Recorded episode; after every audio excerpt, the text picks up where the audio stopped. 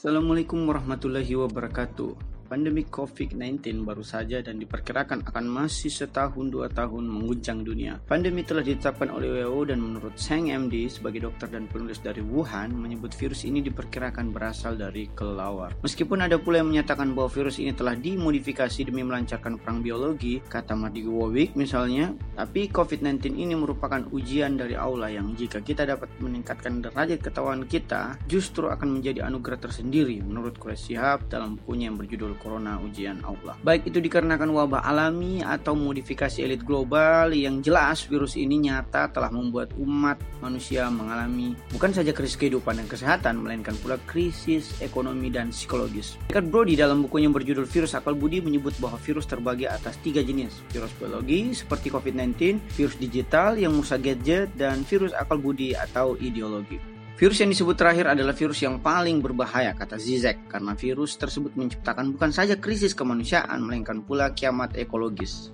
Meskipun sama-sama tak kasat mata, tapi setidaknya virus corona dapat dilihat menggunakan bantuan teknologi medis. Itu artinya virus corona merupakan sesuatu yang memiliki realitas objektif. Sementara virus kapitalisme tidak dapat kita lihat karena hakikatnya merupakan realitas intersubjektif, yaitu sesuatu yang tidak memiliki objek namun diyakini keberadaannya oleh banyak orang. Maka, pekikan Marx bahwa komunisme adalah hantu yang menggentayangi Eropa dalam buku Komunis Manifesto atau ilusi kaum ahistoris masyarakat kita yang takut pada hantu komunisme menjadi tidak relevan relevan di sini. Justru kapitalisme lah hantu yang mengerikan itu. Kapitalisme adalah hantu yang bisa menggoda pejabat negara hingga kepada masyarakat biasa untuk belanja berlebih dan selalu mendambakan akumulasi modal ataupun uang.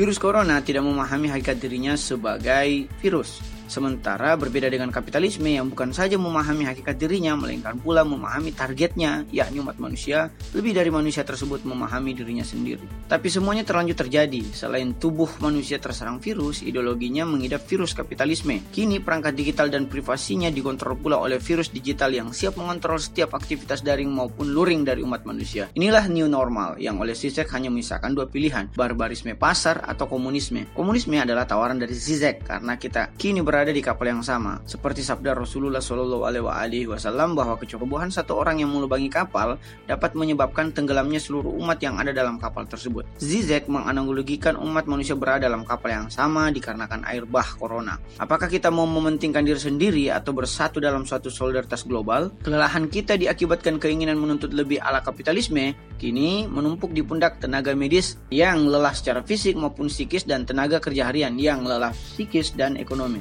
Hal ini diperparah dengan rasisme yang mendera Amerika Serikat dan berbagai kelelahan lainnya di seluruh dunia. Dengan segala kegagalan liberalisme dan kapitalisme sejak zaman kolonialisme Eropa, seluruh dunia hingga krisis keluargaan di Amerika membuat kita merindukan suatu masyarakat alternatif yang bersatu di dalam kapal yang berlayar menuju pulau kerjasama dan solidaritas global. Terdapat lima tahap epidemik yang dimodifikasi sisek dari pandangan Elizabeth Kubler-Ross. Pertama, negara maupun masyarakat menolak adanya krisis tersebut. Kedua, kita kemudian marah terhadap keadaan krisis. Ketiga, kita lalu memilih tawar-menawar sebelum kita benar-benar rugi dalam semua segi. Keempat, depresi kemudian memuncak akibat ketidakmampuan mengelola krisis. Dan kelima, akhirnya kita menerima dan memilih berdamai dengan krisis tersebut. Itulah mengapa pemerintah memilih berdamai dengan COVID-19, suatu pilihan yang agak lucu bagi sebagian oposan. Kita harus waspada, tapi jangan panik. Panik adalah reaksi berlebihan, sementara menggampangkan adalah reaksi orang-orang bodoh. Maka waspada dengan menerapkan literasi kesehatan menjadi hal yang mutlak perlu.